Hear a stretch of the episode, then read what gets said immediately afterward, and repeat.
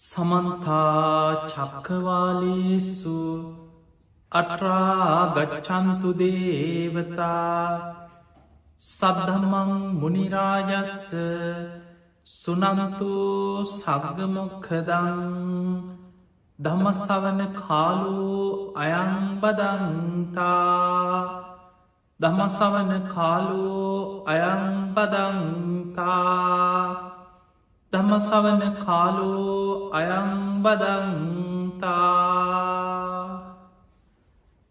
නමුතස්ස භගවතු වරහතු සම්මා සම්බුද්ධස්ස නමුතස්ස භගවතු වරහතු සම්මා සම්බුද්ධස්ස නමුතස්ස භගවතු වරහතු සම්මා සම්බුද්ධස්ස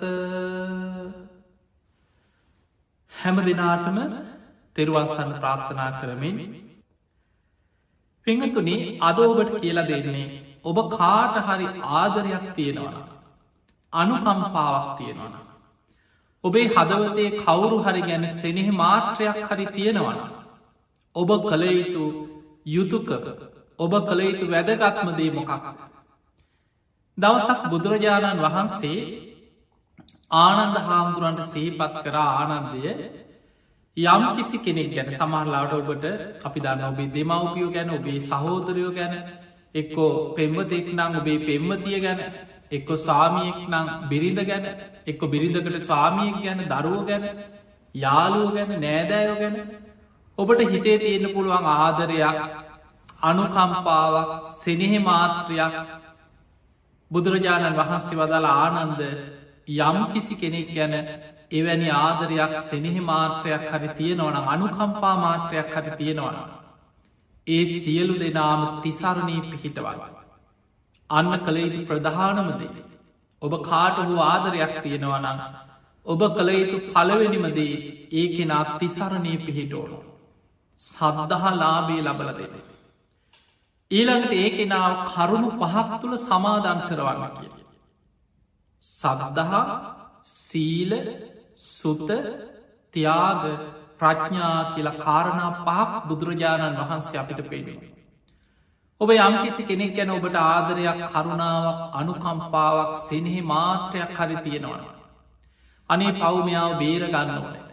අනේ පව් මේ කෙනාමට මෙච්චර උදව් කරපු කෙනෙක් මංමයාට පිහිටක් වෙන්නට ඕන.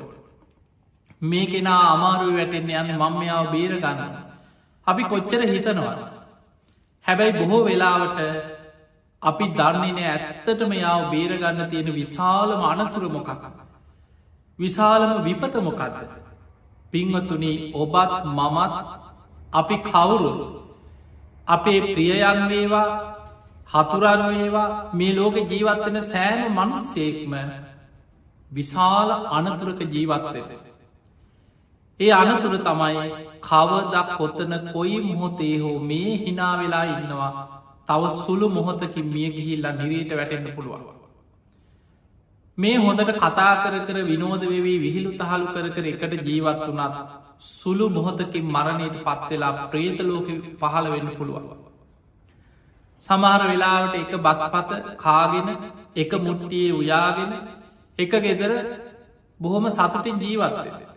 හැබැයි කාට කවද කොතන මරණය ඉස්සර වෙයි දන්නේ. ඒ මරණයත් එක්ක අපි කවුරුත් අරගෙන යන්නේ සතරාපාය මහගෙදර කරගත්ත සංසාරකම. ඒක තමයි අපි කාටත් තියෙන භයානක මනතුර. ඒ නිසා ඔබ යම් කිසි කෙනෙකුට ආදරේන අනුකම්පාවක් තියෙනවනම් කරුණාවක් තියෙනවන සෙනෙහි මාත්‍රයක් හරි අනිමම් මෙයාව බේරගන්නවා කියලා හිතනවනන්න ඒ සියලු දෙනාව සංසාරදුකින් බේරා ගැනීම පිණිස මේ සසර අනතුරින් මුදවා ගැනීම පිණිස ඔවුන්ට මඟ පෙන්නන්නට ඕන. ඒක තමයි බුදුරජාණන් වහන්සේ පෙන්ඩපු සැබෑම ආදරයක් තියෙන කෙනා කළ යුතුදේ. අපි අද මේ ධර්ම දේශනාව තුළ එවැනි කරුණු පහ බුදුරජාණන් වහන්සේ පෙන්නවා කෙනෙකුට ආදරයක් කරුණාවක් අනුකම්පාවක් සෙනෙහි මාත්‍රයක් තියෙනවා. ඉළඟට තව ඇදගත් දෙයක් ඒ දේශනාව පැහැදිලි වෙනවා ඒ තමයි ආනන්ද හාමුදුරන්ට මේ කතාව කියන්න ආනන්ද ඒ අය ඔබේ වචනයට ඇහුම් කන් දෙෙනවන දැන් ඔබ කියනදේ අහන්නත්ති පැඒකන වැදගත්මද අනිව්ව වැඩක්නය වවා ඕවමකටද සමහරු ඔය බණ කියන්න නිපාමට එහෙම කියන ඉන්නවා. එතකොට යමෙකුට අපි ආදරින් කියන්න ඒ කෙනා ඔබට ඇහුම් කන් දෙනවා. සමහර වෙලාවට ධර්මයටත් ගරහන තුනුරුවන්ටත් බනින ඒක කියන්න ගිහිල්ල නැති ප්‍රශ්න ඇති වෙන කෙනාට එයාට උපක්‍රම සීලී වෙනවා. එක පාට්ට කියන්න යන නොනෙවේ. දැන් ඔබ හිතන්න කෙනෙක්කු උපක්‍රම සීලීව ධර්මයට අරගෙන යන ආකාරය. ඔබ දන්නවා මේ බුද්ධ ශාසනයේ බිම්බිසා රජතුමා. බිම්බිසා රජතුමා අපේ බුදුරජාණන් වහන්සේගේ බණහල සෝවාන් පලට පත් වුණ. ඒ රජකං කරද. රජක මාත හැල්ල මේ ආරණ්‍ය ගත වෙලා කැලේකට වෙලා තාපසෙක් වෙලා සෝවාන් වනා නෙමෙ.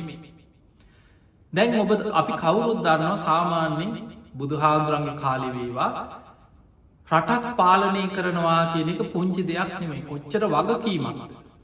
මොනතරම් ප්‍රශ්න ගොඩක් මුළු රටේම සියලු ප්‍රශ්න විසඳන්න මිනිස්සුන්ගේ ප්‍රශ්න විදේශ රටවල් වලින් එන ප්‍රශ්න ඒ කාලෙ බුදුරජාණන් වහන්සගේ කාලෙ සොලොස් මහා ජනපද හැටියට වෙන වෙනම රාජ්‍ය ගොඩක් තිබේ. කොයි පැත්තෙන් ඇවිල් ආක්‍රමණය කරයි දන්න. ඒ වගේ ඒ ඒ රාජ්‍යවලින් එෙන අභියෝග මේ ඔක්කොම පාලනය කරගෙන තමන්ගේ රටවැස්සියන්ගේ යහපත වෙනුවෙන්. කටයුතු කරගෙන රටක් පාලනය කරනවා කෙනෙක පුංචි දෙයක් නෙ. හැබැයි බිම්බිසා රජ්ජුරුව සෝවානුනේ රජකං කරදි පණහල. සෝවානුනා කියලා රජකමා තැරෙන්නේ. ධාර්මිෂ්ටව බොහෝම ගුණධර්ම ඇතුව හොඳින් රජකං කරා. හැබැයි රජතුමාගේ බිස්සව කේමා කියලා බිසවක් හිටිය. මේ බිසව රජ්ජුරුව බොහෝ මාදරය. රජතුමා කල්පනා කරා අනේ මගේ බිසවට මේ තිසරණී පිහිටවන්න පුළුවන්න මේ ධර්මයට යොමු කරන්න පුළුවන්න. හැබැයි මේ බිසව මුලින් බණහන්න කැමති නෑ. බිසව රූපයට ආස කරන කෙනෙ බොහොම ලස්සන රූපයක් තිබ රජ්ජුරුවන්ගේ රජ බිසව හැම වෙලාම තමන්ගේ රූපයට ඇලුම් කර ආස කරන්න. ඒ නිසා බිසවට මෙහම ආරංචියක් තිබ දැන් අද මිනිස් අතරත්ති නොහොම දෙයක්. ඔය බුදු දහම කියන්නේ අසුබේ ගැන පිළිකුල ගැන. ඔය මැරෙනවා ලෙඩ වෙනවා කුණු වෙනවා. ඕක හන්ඩ ඔතන්ට යන්න ඕනේ. ඕක කවුරුත් අපි දන්නවනේ. මැරෙන වෙලාවක මැරෙන් නැත. ඔහොම හිතන කොටසක් ඉන්න මේ ධර්මය හරියට අල්ලන්නෙමේ ඒ නිසා කේමාවටත් ඔය අදහස තිබුණු. බුදු හාමුදුරුව අනිත්‍යය අනිත්‍යයි කිය කියනවා. අසුබයි පිළිකුලයි මම කොච්චර ලස්සන කෙනෙද මංගු කහන් නොතන්ට යන්න ඕන මං යන්න මං යන්න බණහන්න කිය හිටිය. බලන්න බිම්බිසා රජතුමා තමන්ගේ බිසවට ආදරය කරපු රජතුමා කොච්චර උපක්‍රමසීලී වුණාර. බිම්බිසා රජතුමා කල්පනා කරක් කොහොම හරි දේවයට සද්ධහා ලාබේ ලබල දෙන්නට ඕන. බුදුරජාණන් වහන්සේ ළඟට එක්කයන්නට ඕන බලෙන් ඇදගෙනය නත්නෙමේනි තමන්ගේ දේවිය හිත ධර්මය ගැන පහදින විදිහට රජ්ජුරු උපක්‍රම සීලිය වුණා. රජතුමා මොකද කරේ බොහෝම දක්ස ගීත නිර්මාණකරුවන් ලවා වේලු අනාරාමිතියන සුන්දරකම බුද්ධ ප්‍රමුඛ මහා සංඝයා වැඩඉන්න මේ වේල්වඩ පුුණ්‍ය භූමියයේ තියෙන ලස්සන සුන්දරත්වය පරිසරය ගැන ගහකොල ගැන ලස්සනට ගීත ලියවලා මාලිගාවේද මිහිරි හඬින් ගායනා කරෝනො ඇහෙන. ඊළඟට වාදන සිල්පීන් ලවා වේල් වනේ ලස්සන තමයි හැම හැම වෙලාම මේ ගීතවල කියවේ. එතකොට මේ විදිහට අර හවසට සංගීතය අහනකොට සිින්දු අහනකොට ගීතික අහනකොට මාලිගාව දැන් හැමදාම කියවෙන්නේ අර වේලු වනාරාමි සුන්දරකම ලස්සන පරිසරය. ඔහොම යනකොට කේමාවට හිතුනා බුදුරජාණන් වහන්සේ ඔය තරන් රූපයට ගරහනවන මේක අනිත්‍යය අසුබයි කියල රූපය පිළිකුල් කරනවන ඔච්චර ලස්සන තැනකයිරී ඔය තරන් සුන්දර උයනක ඔය තරල් ලස්සන තැනකට වෙලා වැඩයි මමත් යන්න ඕන ඔයි සුන්දරත්වය බල දැන් ඒත් තායි හිතුව කමක් හැබැයි මං යන්න බුදු හාමුදුරහම් එහෙම හිතුව. මම යන්නේ වේලුවනේ ලස්සන බලලා ඔය කියන ඔය ගීතවල ඇහෙන සුන්දරත්වය බලන්න මංගේ උයනට යනවා. මොකද වේල්ුවනාරාමි කියන්නේ බිම්බිසා රජ්ජුරුවන්ගේ රාජකය උයන. අපේ රජ්ජුරුවන්ගේ උයනන අද බුදුහාමුදුරුව ඇතුළු සංඝයා වැඩ හිටියත් මම යනවා. මම ගිහිල ඔය උයන සුන්දරත්වය විදිනවා කියලා සේවිකාවත් එක්ක දවසක් ගිය. හැබැයි ඒ ගිය බුදුන් දකින්න නෙමේ. අර වියනේ ඇවිද ඇවිද උයනේ බොහෝම ලස්සන්ත්‍ර මේ සුන්දරත්වය බලබලා යන. ඔය අනකොට ඈතින් බුදුරජාණන් වහන්සේ පිරිසකට දහම් දෙසනවා. කේමාව ඈතින් දැක්ක. ඒ කැමති නෑ දැන් ළඟට ගිහිල්ල බණහන්න. කේමාව කල්පනා කරා බිච්චර ලස්සන උයන කොච්චර ලස්සන්ට තියාගෙනන්නවා. බලන්න එතකොට ඒ කාලය ආරාමයක් මොනතරල් ලස්සන හිත පහදින සුන්දර තැනක් බවට පත් කරලා තිබුණලා. ඒ වෙලාවේ කේමාව හිතුවා මං බුදුහාමුදුරුව මොකද මේ කියන්න කළ චුට්ටක් ඇත ඉදන්න නොපෙනෙන විදියට අහගෙනින් නොන ඔය ඔය කියන දේ ඇත්තටම ඔය බනවල කියනවද කිය. කේමාව චුට්ටක් ඉස්සරහට කිහිල්ලා බුදුරජාණන් වහන්සේ දහම් දෙසන තැන හොඳට පේන තැනකට ගිහිල්ල බලාගෙන හිටිය හැඟිලා. මහා කාරණක බුදුරජාණන් වහන්සේ කල්තියාම බුදුවැසින් දකිනවා අද කෞුද ධර්මය අවබෝධ කරනයි අද කෞුද බුදුරජාණන් වහන්සේ මුණගැහෙන්නේන්නේ බුදු ඇසින් ලෝකෙ දිහා බලනව දෑසන මහා කරුණා සමාපත්තියට සමුවැද. බුදුරජාණන් වහන්සේ දැක්කා බිම්බිසා රජතුමාගේ අගබිස්සව කේමා අද දවසි බුදුන් දකි නැවිල්ල ධර්මය අවබෝධ කරන. හැබැයි කේමාව ඉන්නේ රූප මදේ මත් වෙලා තමන්ගේ රූපය ගැන ලස්සන ගැන සුන්දරත්වය ගැන මත්තෙලයි. මේ රූපයේ යථා සභාවේ කේමාවට පැහැදිලි කරවන්න නම් බුදුරජාණන් වහන්සේ උපක්‍රමයක් එක්ව ඉරදිය. අනිත් අයට පේන්නේ බුදුරජාණන් වහන්සේ අනි බණහන්න වාඩිවෙලා ඉන්න හැමෝටම දහම් දෙසනවා. කේමාවට පමණක් පෙනෙන විදිහට ලස්සන දිවිය සුරූපේ දිව්‍යාංගනාවන් වගේ ලස්සන කාන්තාව දෙන්නේ බුදුරජාණන් වහන්සේ දෙපස ඉරදී මැව්. ඒ කාන්තාව දෙන්න බුදුහාන්දුරු දෙපසින් ඉඳගෙන පවන් සලනවා. තතාගතයන් වහන්සේ දහම් දෙසනවා අර ලස්සන කාන්තාව දෙන්න බොහොම ලස්සන්ට සැරසිලා. රන්රිදී මුතු මැනික් වල ආභරණවලින් සැරසිලා. බුදුරජාණන් වහන්සේට දෙපස ඉඳගෙන පවන් සලන තතාගතයන් වහන්සේ දහම් දෙසස. කේමාව දැක්ක විතරයි කේමාවට හිතුනා මේ බුදුරජාණන් වහන්සේ ළඟ මේ දෙපස ඉන්න කාන්තාවන්ගේ සුන්දරත්වය දිහා බලනකොට මං මොකෙද්ද කියල. ඒ තරල් ලස්සන දිව්‍යාංගනාවගේ. කේමාවට හිතුනම් මම මගේ රූපයට මත්වෙලා මේ ලස්සනයි ලස්සනයි කියලා මං කොච්චර නම් මගේ රූපය මත්වෙලාදයින. ඒකට බුදුරජාණන් වහන්සේ ළඟඉන්න කාන්තාව මොනතරල් ලස්සනද. බලන්නට දෙපස පවන්සලනායගේ ලස්සන ඒ දිහා බලාගෙන හිටිය දැම් මේ බණනෙමේ හර බණපදයක් හිතට යනව නෙමේ අර ලස්සන කාන්තාව දිහා බලාගෙනන බුදුරජාණන් වහන්සේ දහම් දෙසද්දී කේමාවගේ හිතත් බුදුවැසින් පිරිසිඳ බලමින් තමයි බුදුරජාණන් වහන්සේ අර බණහන පිරිසට දහම් දෙසන්න. බුදුරජාණන් වහන්සේ ඉරදියෙන්ම අර දෙපස පවන් සලන කාන්තාව ටික ටික ටික ටික වයසට යන හැටි ඉක්මනින් පේන සැලැස්ව. ලස්සනට හිට කාන්තාවන්ගේ දැක් කෙස් සුදු වෙනවා. හම රැලි වැටෙනවා. මූුණ වල ගැහෙනවා රැලි වැටෙන. එහෙමම ඇස් පිය වෙනවා කොන්ද කුදු වෙනවා.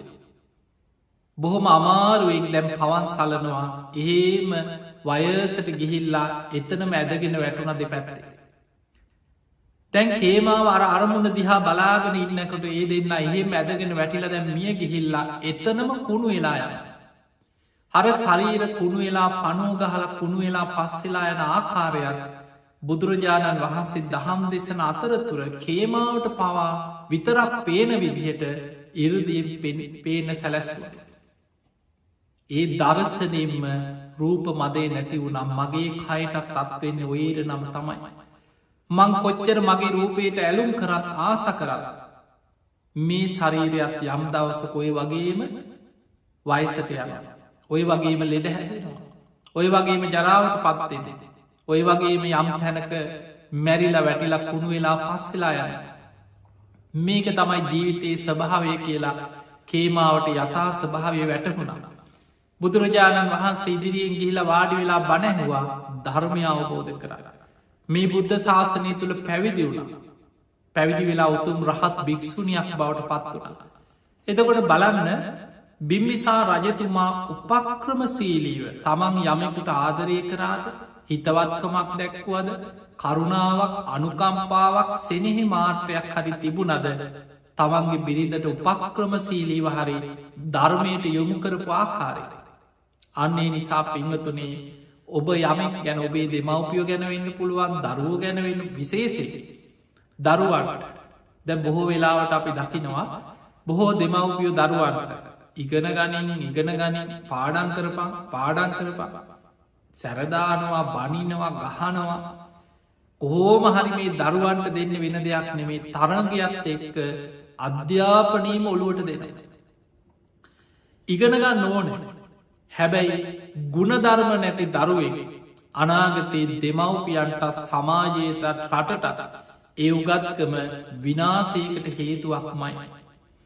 දැන් ඔබ හිතන්න කිසිම කරුණා මෛත්‍රයක් නැති ගුණධර්මයක් නැති වෛද්‍යවරේ මනුස්්‍යයන්ට යහපතක් වේ නෑ. එවැනි වෛද්‍යවරේ ඒ වෛද්‍ය වෘතිය තුළ පුළුවන් තරම් ඒ වෘතියත් පාවල දෙ. බෙහෙට්ටික හොරාකන්න.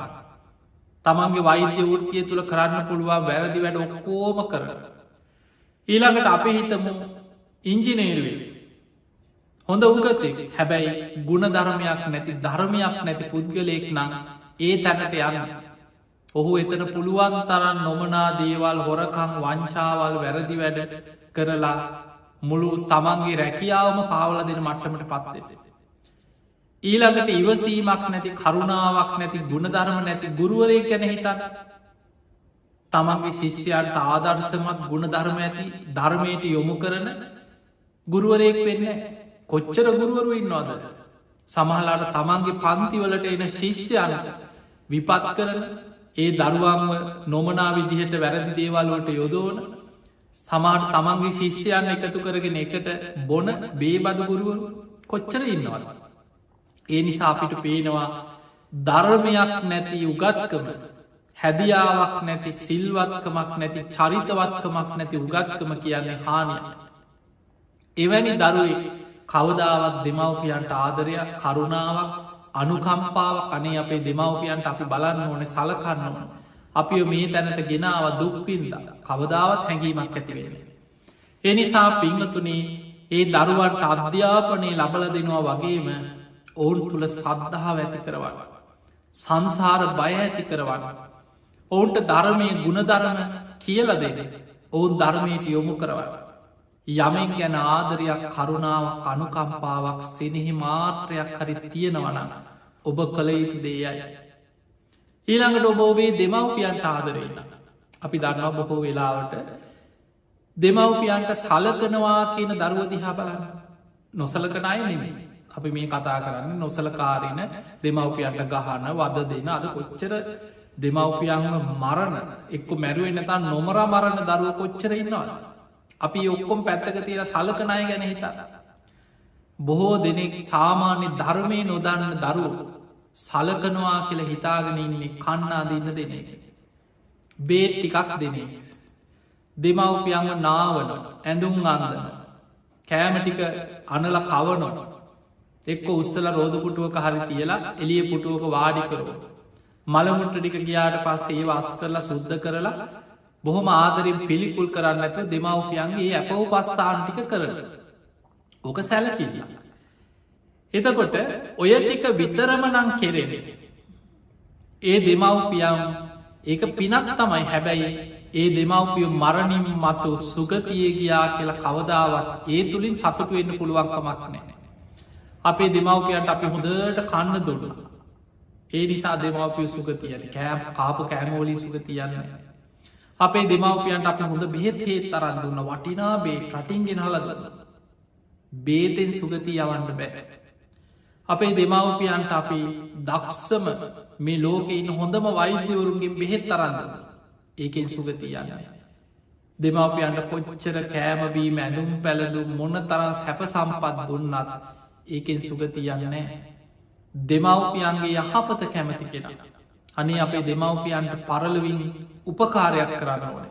අපිව හදා වඩාගත් අපිය ලොකු මහත් කර අපි වෙනුවෙන් ජීවිතය කැප කරා අනේ මේ අයට සුගතිය යන මඟ පෙන්න්නනවා. මේ අයට යහපතක් කරන්න ඕන කෙළ හිතනවනන් ජීවත් වෙලා ඉන්න කාලි දෙමවපියන්ව සද්ධාව පිහිටවල්. ඒ අයව සීලේක පිහිටවල්. ඒ දෙමවපියන්ට දහම් දැනුම ත්‍යාග සම්පත්තිය ප්‍රඥාව ඇති කරවන්න. අන්න ඒක තමයි යුතුකම. ඒක තමයි ප්‍රතිඋපකාරය හැටියට බුදුරජාණන් වහන්සේ පෙනෙන. ස්වාමියෙක් තමන්ගේ බිරිඳට ආදරේන. බිරිඳක් තමන්ගේ ස්වාමියකුට අවංකව ආදරේන. පෙම්වතෙක් පෙම්වතියකට ආදරේන. ඒ හැමෝම කළ යුත්තේ ඒ ඒ අය තම තමන් එකතු වෙලා දැම් බලන්න බුදුරජාණන් වහන්ස පෙන්වා මහනෙන විවාහ ජීවිතයක් ගත කරන යුවලලා සම සදදහා සමසීල සමත්‍යයාග සම ප්‍රඥා සදදහා සීල ත්‍යාග ප්‍රඥා කෙන මේ ගුණ ධර්ම සමාන මට්ටමෙන් එකතු වෙලා දියුණු කරන යුවලක් නම ඒ අයගේ විවාහජීවිත හරියට දෙවියෙක් දිව්‍යාංගනාවක් එක වාසය කරන වගේ. ඒ මුළු ජීවිතයේ පුරාම තියෙනෙ සතුට සැනසීම ආදරය පිරිලල. හැබැයි බුදුරජාණන් වහන්සේ වදාළ ධර්මයක් නැති ජීවිත.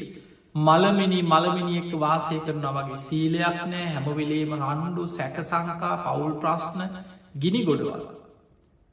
ඒවා හරියට මළවිනි එක ජීවත් වෙනවා වගේ කියල බුදුරජාණන් වහන්සේ පටම සංවාස කියන සූට්‍ර දේශනාවිද පෙනෙන.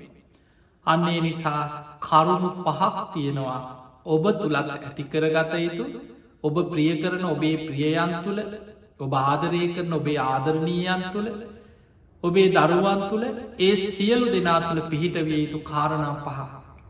පලවෙනි එක තමයි තුනුරුවන් ගැන සද්ධාව. ඔබ යමෙකුට ආදරයක් කරුණාවක් අනුකම්පාවක් සෙනෙහි මාත්‍රයක් තියෙනවනන ඒ හැම දෙනා තුළම සද්ධාව ඇති කරවල. ඔවුන් සද්ධාව පිහිටවල. නිතර බුදුගුණ ගැන ගෙවල්වල කතා කරන්න. සාමාන්‍යෙන් ඔය දෙතිස් කතා රාජ කතා චෝර කතා අද බොහෝ දුරට මේ රජවරු ගැන දේශපාලනය ගැන මැති ඇමතිවරු ගැන මේ දෙතිස් කතාම ගෙවල් වල බලන් රූපාහිනියක් දැම්මත් ඒ නිසා මෙන්න මේ කුණු ගොඩවල් වලින් අයින් වෙලා ඔබට ජීවත්වෙන්න පුළුවන්න විශේෂෙස් දැන් ඔබ ගෙදර ඉදං රූපාහිනිය දාගෙනෙක්කෝ දේශපාන සාකච්ඡා බල බල. සමහර විප්‍රෘෘති විකාශන බ්‍රේකින් නිියස් මේවා බල බලා දේශපාලනින් ගෙදර රත් වෙලා ගෙවල් වල බැන බැන හිටිය කියල ඔබට රටහ දන්න බෑ. ඒ තුළින් සිද්ධ වෙන්නේ ඔබේ පින ඔබේ වටිනා මනුස්ස ජීවිතය ඔබට ලැබිච්ච අවස්ථාව විනාස වෙලා යන ඔබට අකුසල් ගොඩක් පිරෙන එක දවේශය කියන්න අකුසලය කවුරු වෙනුවෙන් හෝ රට වෙනුවෙන් වේවා පුද්ගලයෙක් වෙනුවෙන් වේවා කවුරු වෙනුවෙන් හරි ඔබේ හිතේ දවේශය උපදිනවාන ඒ අකුසල ඒ නිසා ඒ අකුසල්වලින් මිදෙන ඔබ ඔබේ යුතුකම ඔබ රස්සාාවක් කරනවනගේ රස්සාාව හරියට කරන්න රටවෙන ඔබ ඔබේ සේවය ඔබට පුළුවන් උපරිමෙන් කරන්න. හැබැයි අනුන්ගේ වැරදි ගෙවල්වල කතා කරක අනුන්ට බැන බැන. ඔය ගෙවන ජීවිතය තුළ බොහෝ වෙලාවට ඔබ දන්නවනෑ විශාල අකුසල් ගොඩක් රැස්සේ එනිසා පින්වතුනි ගෙවල්වල බනාහන්න පටාගන්න රූපවාහිනිය කල්්‍යාන මිත්‍රයෙක් කරගන්න. ගෙදර තියෙන රේඩිය එකක් තියෙනවන ඒක කල්්‍යාන මිත්‍රයෙක් කරගන්න ඔබලගේ ජංගම දුරකතනයක් තියෙනවන ඒක කල්්‍යාන මිත්‍රය කරගන්න තමන්ගේ කෙලෙස් වැඩෙන හතුර කරගන්න එපා ඔබේ ජංගම දුරකතත. ඔබේ ජංගම දුරකත්තනයෙන් කෙනෙකුට ධර්මී පැත්තට හැරෙන්න්නත් පුළුවන් අපාය පැත්තට හැරෙන්න්නත් පුළුව.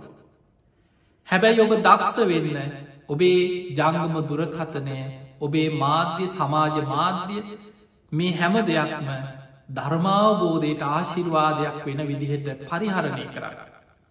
ඒ නිසා ගෙවල්වල බුදුන් අදන. නිතර තුනුරුවන් ගුණ ගැන කතා කරන්න. බොහෝ වෙලාවට අම්මලා දරුවෝ දෙමවපිය එකතු වෙලා එකට බුදුන් අදනවන. ඒ ගෙවල්වල දරුවෝ දෙමවපිය අතර බොහෝම ආදරයක් කරුණාවක් ගොඩ නැගෙන. බොහොම සහයෝගයක් ගොඩ නැගෙන. ඒ නිසා එකට බුදුන් අදන්න සබද්ධාව ඇති කරගන්න. නිතර තුනුරුවන් ගැන බුදුගුණ ගැන දහම්ගුණ ගැන සඟගුණ ගැන. අවංක සද්ධාව. එකට ධර්මය කියන්නේ අවබෝධයෙන් යුත්ත සද්ධාව. ඒ සද්ධාව දවසින් ඇති වෙන්න. කාලයක් බණහනකොට ධර්මය ඉගෙන ගන්නකොට නිතර බුදුන් අදිනවා බුදුගුණ සිහි කරනවා ධර්මයම කතා කරනවා. ධර්මයම හැසිරෙන පරිසරයක් ඔබේ ගෙදර ඔබ ජීවත්වෙන භූමිය ඇති කරගන්නකොට දවසින් දවස ඔබ තුළ සද්ධහා වර්ධනය වීගෙන සද්ධහා වැඩෙන. ඊළඟට බුදුරජාණන් වහන්සේ පෙන්වා සිල්වත්ක යමෙකුට ආදරයක් කරුණාවක් අනුකම්පාවක් සෙනෙහි මාත්‍රයක් හරි තියෙනවනම් සීලවන්තකම වැදගත්මදී ජීවිතය ඇති කරගතයි.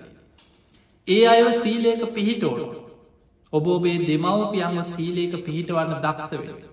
සමහර වෙලාවට අපි ගත්තොත් ගොඩාක් දෙමවපිය. ඒ අයි මාන්නක් කාරයි. අප මේ ළමයි ගැන හිතාගෙන ඉන්නේ අපි දන්නවා ඔක්කොම උඹලයින්නේ පාපිට කියලා දෙන්න මට ඕන විදියට මම ජීවත්වෙන ඔහොම හිතන සමහර බොහොම ඇට්ටර දෙමවපියෝ ඉන්නවා. හැබැයි ඔබ ආදරෙන් කියලද. වැරැද්ද දැක්ක ගමන් සැරදාන්න බනින්න යන්න එපා. ඔබේ දෙමවපියන්ග ධර්මයක පිහිටවද්දී. ඔබ ආදර කරුණාව ඔළු අතගාලා ඉම්බල් හරි බදාගෙන හරි අනේ අම්මේ තාත්ත කියලා එහිම ආදරෙන් යමක් කියලද. ඒ අයගේ හදවතට දැනෙන විදිහට. ඒ අය එකතු කරගෙන යන්න යම් මේ පෝයට අපි සිල් ගන්නය අම්ම තාත්තත් එක් අපි සිල් ගන්න. අන්න ආදර්ශමත් දරු. ඒ විදියට දෙමවපියන්ව සීලාදී වැඩසටහන්වලට එකතු කරගෙන යන්න. ඒ අය එක් එකට පින්කං කරන. ඒ අයත් එක්ක සිල් සමාධන් වෙන. පුංචි වැරැද්දක් හරි දැක්කොත් ඕක කරන්න එපාම ඕක කරන්න එපාතාත්තේ. ඕක අකුසලය බැරිවෙලා හරි මරණ මංචික ඕ වගේ දෙයක් සිහිවුණොත් කොහේ අයිද කියලා ධර්මය සිහි කරලද එක බනින එකක්න මේ කරුණාවෙන් ආදරෙන් ධර්මී සිහි කරලා දීල ධර්මී පිහිටවයි. අන්න කල්්‍යයාන මිත්‍රයාගේ ස්භාව. බුදුරජාණන් වහන්සේ වදාළ ආනන්දය ඔබ යමකුට ආදරයක් කරුණාවක් අනුකම්පාව සෙනෙහෙ මාත්‍රයක් තියෙනවනන් ඒ අය සීලේක පිහිටවන්න. සීලේ කියලා කියන්නේ කය වචනය තුළ ඇතිකරගන්න සංවරක හිත තුළ නෙමේ හැබැයි හිත තමයි මේ හැමදේකට මුල්ලෙන මනෝපුබ්බංගමා දම්ම මනස තමයි මුල්ලෙ හැබැයි මනසාපිට සීලයකින් පාලනය කරන්න බැ. මනස සීලයෙන් අපි කරන්නේ කයයි වචනයයි සංවර කරගන්න ඒකට මනසත් උපකාර වෙනවා මනසයි ඇතිවෙන කෙලේ සම්පූර්ණයෙන් යටපත් කරන්න පාලනය කරන්න තියෙන භාවනාව ඔස්සේ අපි භාවනා කරනවා කියලා ගැන හිතේ මතුවෙන ක්ලේෂ ධර්මයන් යටපත් කරලා පාලනය කරගන්න හිත දමනය කරන ක්‍රම. තිය නිසා ඔබ සීලයක් පුරුදු කරන්න ඔබ ආදරය කරන ඔබේ ආදරණීයන්ට සීලේ ගැන කියලද. ඒ අය සීලයට යොමු කරවන්න ඔබේ දරුවන් වේවා හිතවතුන් වේවා යාළුමිත්‍රයන් වේවා ඥාතින් වේවා ඒ සියලු දෙනා එකතු කරගෙන සීලාදී ගුණධර්ම පුරණ පරිසරයක් ඔබ ගොඩ නගන්න. තුන්වැනි එක බුදුරජාණන් වහන්සේ පෙන්ව ආනන්දය යමෙකුට ආදරයක් කරුණාවක් අනුකම්පාවක් සෙනෙහි මාත්‍රයක් තියෙනවා ඔබ ඒ සියලු දෙනාව දහම් දැනමේ පිහිටවන්න. ඒ අයට ධර්මීම අහන්න සලස්සත සුතවත් භාවය ඇති කරවන්න. ඒ අඇත් එක ධර්මීම කතා කරන්න කිය පිංහතුනේ ඉතාම වටිනා දෙයක් මේ යුගේ ධර්මය ඇසීම. එක බණපදයක් ඇති පින් ඇති කෙනාට ජීවිතය වෙනස්සේ. ඒ ඒ ශක්තිය මේ ධර්මය තියෙන එක මේ බණ කියන අපේ ශක්තියක් නෙමේ ඒක බුදුහාමුදුරන්ගේ ධර්මය තියෙන බුද්ධ ශක්තිය. එක බණපදේ ඇති මුළු ජීවිතේම වෙනස් වෙලාය. ඒ තමයි සාරා සංකීය කල්පලක්ෂයක් පාරමී පුරලා අවුරුදු හයකට ආසන්න කාලයක් දුස්කරක්ක්‍රියා කරලා සසරි හිතාගන්න බැරි මහා කැපකිරීමක් කරලා සියලු දේවල් සර්වඥතා ඥානයෙන් පරිපූර්ණ අතැම්බුලක්සේ අවබෝධ කරගත්ත ලෝතුරා බුදු කෙනෙකුගේ බුද්ධ වචනී පිහිටන බුද්ධ ශක්තිය. ඒ බුද්ධ ශක්තිය නිසා මහා දරුණු අපරාධකාරය එක ගාථා වහල ජීවිතය වෙනස් වුණ. දෙව් මිනිස්සුන්ගේ වන්දනා ලබන රහතන් වහන්සේ ලබවට පත්වනවා. සමාජ හොරු වංචනිකයෝ කපටියෝ අපරාධකාරයෝ කියලා මිනිස්සු හඳුන්නපු අය ඒ ධර්මය තුළ දෙව් මිනිස්සුන්ගේ වන්දනා ලබන මිනිස්සු මල්ලිහිනවා දෙවියන් අහසයිදම් මල් ඉසිනවා. පාරවල්වල දෙපැත්ත ඉදන් සාධකාර දෙන උන්වහන්සේලා වඩිනකොට. හැබැයි ඒ ජීවිත වෙනස් වනේ ධර්මය තුළ. ඒ නිසා දෙව් මිනිස්සුන්ගේ වන්දනා ලබන ලෝකෙ උත්තම පුද්ගලය බවට පත්වනේ මේ එක බණපදය හල මේ ධර්මය හලා බුදුරජාණන් වහන්සේගේ ධර්මය තුළයි ශක්තියතිය. ඒ නිසා පින්නතුනි ධර්මයට ආස කරන්න ධර්මයට ගෞරව කරන්න ධර්මයට කැමති කෙනෙක් වේ. ඔබ ඔබේ දෙමවපියන්ට ආදරී නගේ අය එක්ක ධර්මීම කතා කරන්න. ඒ අයට නිතර ධර්මී මහන්න සලස්වන්න. ඒ ඇත් එක්ක ගෙදර ධර්ම කතාවම යෙදෙන. ඊළඟට ඔබ ඔබේ දරුවට පුංචි කාලේන. ධර්මය ගැන ජාතක කතාවලින් වේවා දම්ම පද කතාවලින් වේවා හොඳ නරක පුතේ මේක කරන්න එපා මේකයි ධර්මය තියෙන්නේ මේකයි බුදු හාමුදුරු කියලා තියෙන්නේ බොහොම ආදරෙන් පුංචි කාලේ නම් දරුවන්ට ධර්මය උගන්න. ඒ අයව ධර්මය තුළ පිහිටවල්. ඒ නිසා ඔබෝබේ ස්වාමියයට බිරිඳට ආදරේ නඟ. ආදරෙන් කතා කරන හැම වෙලාවකම ධර්ම කතාවකයේදේ. ධර්මයට එකට භාවනා කරන එකට බණපොත් කියෝනු. එක්ක බිරිඳ බණක් ඇහුවන ස්වාමියයට ආදරය කියලා දෙන අදමම් මෙහෙම බණක් ඇහුව. රස්සාාව කළ ගෙදර ඇවිල්ල ටිකා විවේකෙන් ඉන්න වෙලාවට තමන් අහපු බණ ස්වාමියයට කියලා දෙ. එතකොට ඒ වගේ තමන්ගේ ජීවිතය තුළ ධර්මයක්ත් එක්ක පරිසරයක් හදාගට. අන්න බුදුරජාණන් වහන්සේ පෙන්වී යමෙකුට ආදරයක් කරුණාව අනුකම්පාවක් සෙනෙහි මාත්‍රයක් හරි තියෙනවා. ඒ සියලු දෙනාට දහම් දැනුම ලබාදේද. සුතවත් භාව ඇති කරලද. ඒ අයට ධර්මය දියුණු කරන්න අවශ්‍ය පරිසරය හදලද. ඒකයි කල්්‍යයාන මිත්‍රයකි සභාව. ඊළඟට පිංහතුනී බුදුරජාණන් වහන්සේ දේශනා කර ආනන්දය ඔබ යමකුට ආදරයක් කරුණාවක් අනුකම්පාවක් සෙනෙහි මාත්‍රයක් තියෙනවන්න. ඒ අයට පුළුවන් තරම් පිනට යොමු කරවන්න. ත්‍යාග සම්පත්තිී යොදවන්න. ඒ අය එකතු කරගෙනම පින්කං කරන්න. දන් දෙන්න යොමු කරන්න. අපි එකට පින්කමත්ති නොයා සමහරයින්න අම්මල තාත්තල වයිසයි දැන් පින්කං කරන්න බෑ හැබැයි දරුව වියදං කරලා පින්කන් සෝදානන් කරල දෙමවපියෝ එක්කන් ගිහිල දෙමවපියන්ගේ අතින් පින් කරවල. ඒ දෙමවපියෝ ලවා පිරිකර පූජ කරෝ. ඒ අය අතින් දම් බෙදවනවා. ඒ අය ලව්ව දන්දීලා සතුටු වෙන අනේ අපේ දෙමවපියන් අපි පිනට යෙදෙව්. ඒ වගේ ඒ අයට අතහැරීම ගැන ත්‍යාග සම්පත්තිය ගැන කියලද. පිංහතුරි මතක තියාගන්න හැමෝටම දැ මේ බණහනකොට හිතෙයි ඒ වනාට ඉතින් අපේ දෙමවපි ඔහොම නෙමෙයි. අපේ අම්මනං කීයටවත් ධර්මයට ගන්න බේ අපේ තාත්තනන් කීයටවක් ගන්න බැ. එහෙමයි ඉන්නව නැත්ති නෑ. අපි දන්නවා සමාජම හැමෝම එක වගේනෙම නානත්ත කායා නානත්ත සංඥී. පුද්ගලය වසයෙන් ගත්තා සුරූපෙන් ගත්තත් අදහසා කල් පතින් ගත්තා සමාජ විශාල වෙනස්කං ගොඩක් තියෙන. හැබැයි ඔබ උත්සාහ කරන්න උපක්‍රමසීලී. ඒ අය පිනට යොමු කරවා අපි දන්නවා සමහර දරුවෝ දෙමවපියන්ට හොරෙන් පින්කං කර. ඇයි දැනගත්ත ගමන් බනිනවා. උඹලවයි දුක් විදල හම්බ කරලා ඔය පුදන්නයන්න එපා එක ඒක තැන්වලට ඕ ඉතුරු කර ගනිල්ලා තමන්ට කියලා කියක් හරි ඉතුරු කරගන්නන්න. සමහරලාවට ඒදේ කියන්නේ ආදර. දරුව යමක් ඉතුරු කරගන්නවට දරුව කියත් දොරක් හදාගන්නවට දරුව වාහනයක් ගන්නවට දෙමවපිය තරන් සතුට වෙන කෙනෙක් නෑ. තමන්ගේ දරුවා දියුණුව කරායනවා දැකලා. හැබැයි ඒ දෙමවපියන්ට ආදරය කියලා දෙන්න ඕනේ අම් මේ දානයක් දෙනවා කියන්නේ නිධානයක් තැන්පත් කරනවා වගේ වැඩ. පින කියලා කියන්නේ සසර ගමනට නිදහනයක්. අද අපි මෙහෙම කාල ඇඳලයින්න. යම් කිසි විදිහකට අනුන්ට අතන උපා ජීවත්වෙන්න ජීවිතය ප්‍රශ්නය නවා. අද රජ මැදුර ඉන්න කෙන හෙට මහපාරට වැටෙන්න්න පුළුව. අද හොඳ රස්සාාවක් කරගෙන ඉන්න කෙනාට හෙට රස්සාාව නැති වෙන්න පුළුව. කර්ම විපාක කවද කාට කොතනයිද දන්න. හැබැයි අපි කවුරුත් පෙරකරපු පිමි පව් සසරි අරගෙන යන පිරිසස. ඒ නිසා පුළුවන් තරම් පින් කරන්න. පිනට දක්ෂ කෙනෙක් වේ.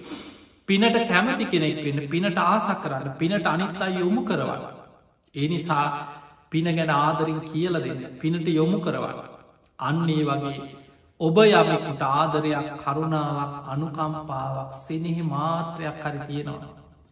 ඒ අයව ධර්මයට යොමු කරවන්න ඕනෑ කියල අනේ හිතනවා. අන්න බුදු හාමුදුරුව පෙන්වා ඒ අය පුළුවන් තරම් පිනට යොමු කරවා. මේ පින කියන පුංචි දෙයක් නෙමේ පිංහතුද. බුදුරජාණන් වහන්සේ වදාළ මහනෙන මේ දීර්ග සංසාර ගමන. පිනකින් ලැබෙන යහපත කෙනෙක් දන්න වනන. තමන් කොච්චර කුසගින්න හිටියත් ලැබෙන බත් පත තනියෙන් කන්නෑ කිය. සතෙකුට හරි කොටසක් දන් දෙන. ඒ තරං ආනිසංසයක් මේ පිනකින් ලැබෙන. ඒ තරං ආනිසංස හිතාගන්න පැරි ආනිසංසයක් ලැබෙන. එක සතෙකුට එක සතෙකුට ඔබට කුසගින්න නිවාගන්න ආහාර වේලක් දෙන්න පුළුවන්න. ආත්ම සීයක් සසර ආනිසංස ලැබෙන ආත්ම සීය. කෙනෙක් දුස්සීල වුණ මිත්‍යා දෘෂ්ටිකයෙක් වුණත් අසරණ මනුස්සේ බඩකින්න එන කෙනෙකුට කෑමටිකක් දුන්න. ආත්ම දාහ පුංචි කාලයක් නෙමේ සසරි උපෝපං ආත්ම දහසක් ඒක විපාකි තමන් පසු පසයිනවා. ඒ නිසා බුදුරජාණන් වහන්සේ පෙන්වා මහනෙන පිනේ වටිනාකම දන්න කෙනා පුළුවන් තරම් පින් කරනවා විසි කරන ඉඳුල් වතුර ටිකෙන් පවා. මේ මහපොළොව ඉන්න කොසකින් ඉන්න සත්වයකුට මේ ඉඳුල් වතුර ටික හරි ආහාරයක් වේවා කියල මෛත්‍රී සිසේ ඉඳුල් වතුර ටික හරි වේසි කරන. එනිසා පින්වතුනි පුළුවන් තරන් දන් දෙන්න පින් කරන්න. තමන්ගේ ජීවිතයේ පුළුවන්තරම් පින රැස් කරගන්න. ඔබ යමකුට ආදරයක් කරුණාව කනුකම්පාවක් සෙනෙහි මාත්‍රයක් තියෙනවනගේ හැමෝම පිනට යොමු කරවන්න. ඒ අය එකතු කරගෙන පින්කං කරන්න ඒ අයට පින ගැන කියලද ඒක තමයි කළ යුතු එකම යුතුකම. ඊළඟට බුදුරජාණන් වහන්සේ පස්වනි කාරණය හැටියට පෙන්නවා දැන් අපි කරුණු හතරක් කතා කර. සබදහාව පිහිටවන එක සීලේක පිහිටව ගන්න එක දහම් දැනුම ඇති කරල දෙන එක ත්‍යාග සම්පත්තිය. පස්සන ඒක තමයි ප්‍රඥාව. ප්‍රඥාව කියන්නේ ධර්මය නුවනින් විමසල ඇති කරගන්න වැටහි. ඔබ අහල ඇතින ආලෝක සූත්‍රය. මේ ආලෝක බුදුරජාණන් වහන්සකින් ප්‍රශ්නයක් අහනවා මෙහෙම. කතන්සු ලබතේ පඥා. ප්‍රඥාව ලබන්නේ කොහොමද කියලා. බුදුරජාණන් වහන්සේ දීපුත්තරේ තමයි සදධානු අරහතන් දම්මම නිබ්බාන පත්තිය. නිවන කරායන ධර්මය සද්ධාවෙන් අහන. සුස්සූසා ලබතේ පඥ්ඥා අපපමත්තෝ විචක්කන. ඒ ඇසූ ධර්මය අප්‍රමාදීව නුවනින් හිතන්නට. අප්‍රමාදීව විචක්ෂනයේද. එකැන යෝනිසෝ මනසිකාරයේද. අන්න ඒක තමයි ප්‍රඥාව ලබන මාර්ග. ඒ ගාථාව තේරුම තමයි සද්ධාවෙන් බුදු පසේ බුදු මහරහතන් වහන්සේලා දේශනා කරන පිරිසිදු ධරමය අහන එකන මුලින් පණහන. අහන ධරමය තමා තුළින් නුවනින් විමස විමස යෝනිසෝ මනසිකාර යෙදමින් තමා තුළින් ගලපල බලන. ඔන්න ප්‍රඥාව ලබන මාර්ග. එක ඇන භාවනාවසේ තමා තුළින් විමසන්න දක්ෂ වෙනට ඕන. අන්න ඔබ යමෙකුට ආදරයක් කරුණාවක් අනුකම්පාවක් සිනෙහි මාත්‍රයක් හරි තියෙනවා. ඒ අය ඔබේ වචනයට ඇහුම් කන් දෙෙනවා. ඔබ ඒ අය භාවනාවකට යොමු කරවා. අහන ධර්මී නුවනින් විමසන්න පුරුදු කරවන්න. ධර්මය තුළින් ජීවිතය දකින්න පුරුදු කරවන්න. ඒක තමයි ඔබට කරන්න තියෙන එකම යුතුකක. ආදරයෙන් ඉන්න කෙනෙක්ව මෙලවින් විතරක් නෙමෙයි භයානක සංසාර ගමනෙන්ම ඒ කෙනාට පිහිටක් වෙන්න ඔබ උත්සාහ කරන්න. සතරාපායි වැටි වැටි යන සංසාර ගමනේ ඒ කෙනා බේරගන්න ඔබ උත්සාහයක් ඒක තමයි සැබෑ මාදරවර්තයක් කරනදේ. ඒ නිසා ඔබෝබේ දෙමවපියන්ට ආදරෙන්නම් ඔබෝබේ දරුවන්ට ආදරේනම් ඔබෝබේ ස්වාමයාට බිරිඳට ඥාතීන්ට යාළුවන්ට හිතවතුන්ට යමකුට ඔබේ හිතේ ආදරයක් කරුණාවක් අනුකම්පාවක් සෙනෙහි මාත්‍රයක් හරි තියෙනවා. ඔබ කළ යුතුදේ ඒ අය කරුණු පහක් තුළ පිහිටෝනු. සද්ධාව පිහිටෝනො සීලයක් තුළ පිහිටෝනො දහම් දැනුම තුළ ඇ පිහිටෝනවා ත්‍යාග සම්පත්තිය තුළ ප්‍රඥාව තුළ පිහිටෝ. ඔන්න ඔය කරුණු පහතුළ ඔබට කෙනෙක්ව පිහිටවන්න පුළුවන්න අන්න ඔබ සැබෑම විදිහට කෙනෙකුට ආදරය කරපු කෙනෙන. ඔබ ඔබේ ප්‍රියයන්ට ධර්මානුකූලව සසර ගමනින් එතර වෙන්න උපකාරයක් කරපු කෙනෙක් ඔබ කල්්‍යයානමිටේ. ඒ නිසා සැබෑ කල්්‍යයාන මිත්තේ බවට පත්තේද. බුදුරජාණන් වහන්සේ මේ භයානක සංසාර ගමනි ස්භාවී දැකල පිංගතුළි මහ භයානක සංසාර ගමනක්. සමහර වෙලාවට ආදරෙන් ඉන්න ස්වාමියයික්කො මිය ගිහිල්ලා ඒ නිවසේ අසූචි වලක පණුවෙක් වෙලා උපදින්න පුළුවන්. ගෙදර බැලලියෙකුගේ කුසේ බලල් පැටවෙක් හැටියට උපදන්න පුළුවන් මේ සංසාරය භයානක සමහර වෙලාට ගෙදර අම්ම මැරිලා ගැරලියෙක් වෙලා ගෙදරට ගෙදරම එක්කෝ සතෙක් හැටි ගෙම්බෝ වෙලායනවා ගෙදරට මැරිලා එක්ක ප්‍රේතිය අමනුස්්‍ය වෙලා උපදිනේ මේක නම් සංසාරය ජීවත් වෙලා ඉන්නකොට කාලවීලා ඔය ටික කාලයක් ඉඳලා මැරුණට පස්සේ ඔබ ආදරය කරපු ඔබේ ප්‍රියයන් ඔබේ දරුවෝ ඥාතිී ඔබ යන සංසාර ගමන මේ වගේ භයානක නං අපි බුදුරජාණන් වහන්සේ පෙන්වා මහනිනි මේ සසර ගමනය අනතුර බුදු කෙනෙක් තරම් මේ ලෝකෙ මිනිස්සු දකිනවා නම් හිස්සගිනි ගත්ත කෙනෙක් ගින්න නිවන්න මහන්ස් වෙනවා වගේ. ආයුදයකින් පහරක්කාප කෙනෙක් තුවාලයක් සනීප කරගන්න වෙහෙසෙනවා වගේ. ධර්මය අවබෝධ කරන්න මහන්සිකාග. ඒ පිණිසයි අපි ඔබට මේ ධර්මය මේ තරම් මහන්සි වෙලා. මේ ධර්මය ඔබට නිරන්තරය ධර්ම දේශනා මාධ්‍යෙන් අපි කියල දෙන්නේ. ඔබව මේ භයානක සංසාර ගමනින් මුදවන්න ඔබට කල්්‍යයාන මිත්‍රයෙක්වේ.